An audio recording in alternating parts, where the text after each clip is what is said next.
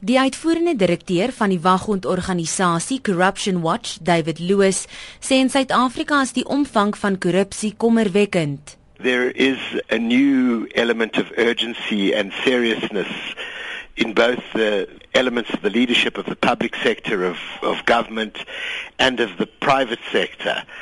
But we have a long way to go. There are obviously also, to put it mildly, elements of the political leadership that are encouraging a sense of impunity, a sense that that they cannot be touched no matter how questionable their conduct is.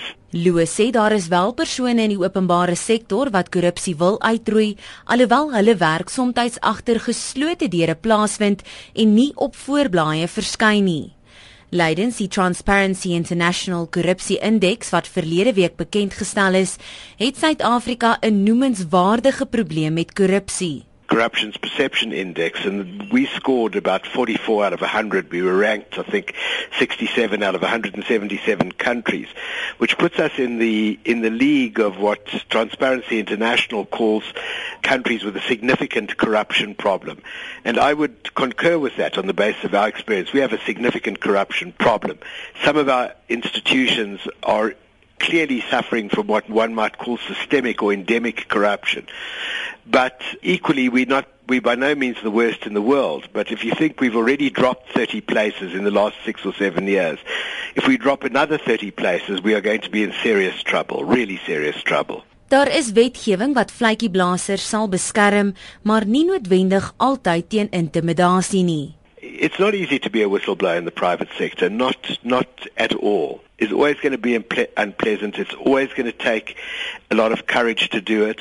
and and you know particularly you know the sort of thing that we want to encourage people who come forward to blow the whistle have got to be relatively certain that they'll be supported by their colleagues at their workplace or wherever it is that they're blowing the whistle from it's this notion that you may be viewed as a kind of traitor or an impimpi that I think discourages many people from blowing the whistle. And we want to promote a culture which says that, you know, far from being a traitor, that person is being a patriot and a hero by blowing the whistle. Hy sê soms besef mense nie eers hulle maak hulself skuldig aan korrupsie nie. I think that people are really outraged.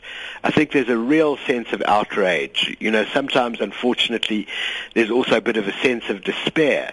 There are lots of forms of petty corruption and this is particularly the case of traffic police bribery where people think, you know, nobody is getting hurt by this. So why, should, why not come to an agreement with the traffic officer that gets me off the seriousness of a drunken driving charge, I pay only 500. He gets 500 that he wouldn't have got. Nobody is hurt by it. I mean, the people who are hurt by it are the people in the end who are killed by drunken driving, remembering that we have the highest rate of road accident death in the world, and most of it caused by people under the influence of alcohol. So there are costs huge costs to every act of corruption, but you're right that in some circumstances, and I say this is particularly stark in traffic policing, people think this is just a private exchange between me and the traffic cop and nobody else is really hurt by it. Dit was die uitvoerende direkteur van die wagondorganisasie Corruption Watch, David Lewis. Ek is Melissa Tuggie in Johannesburg.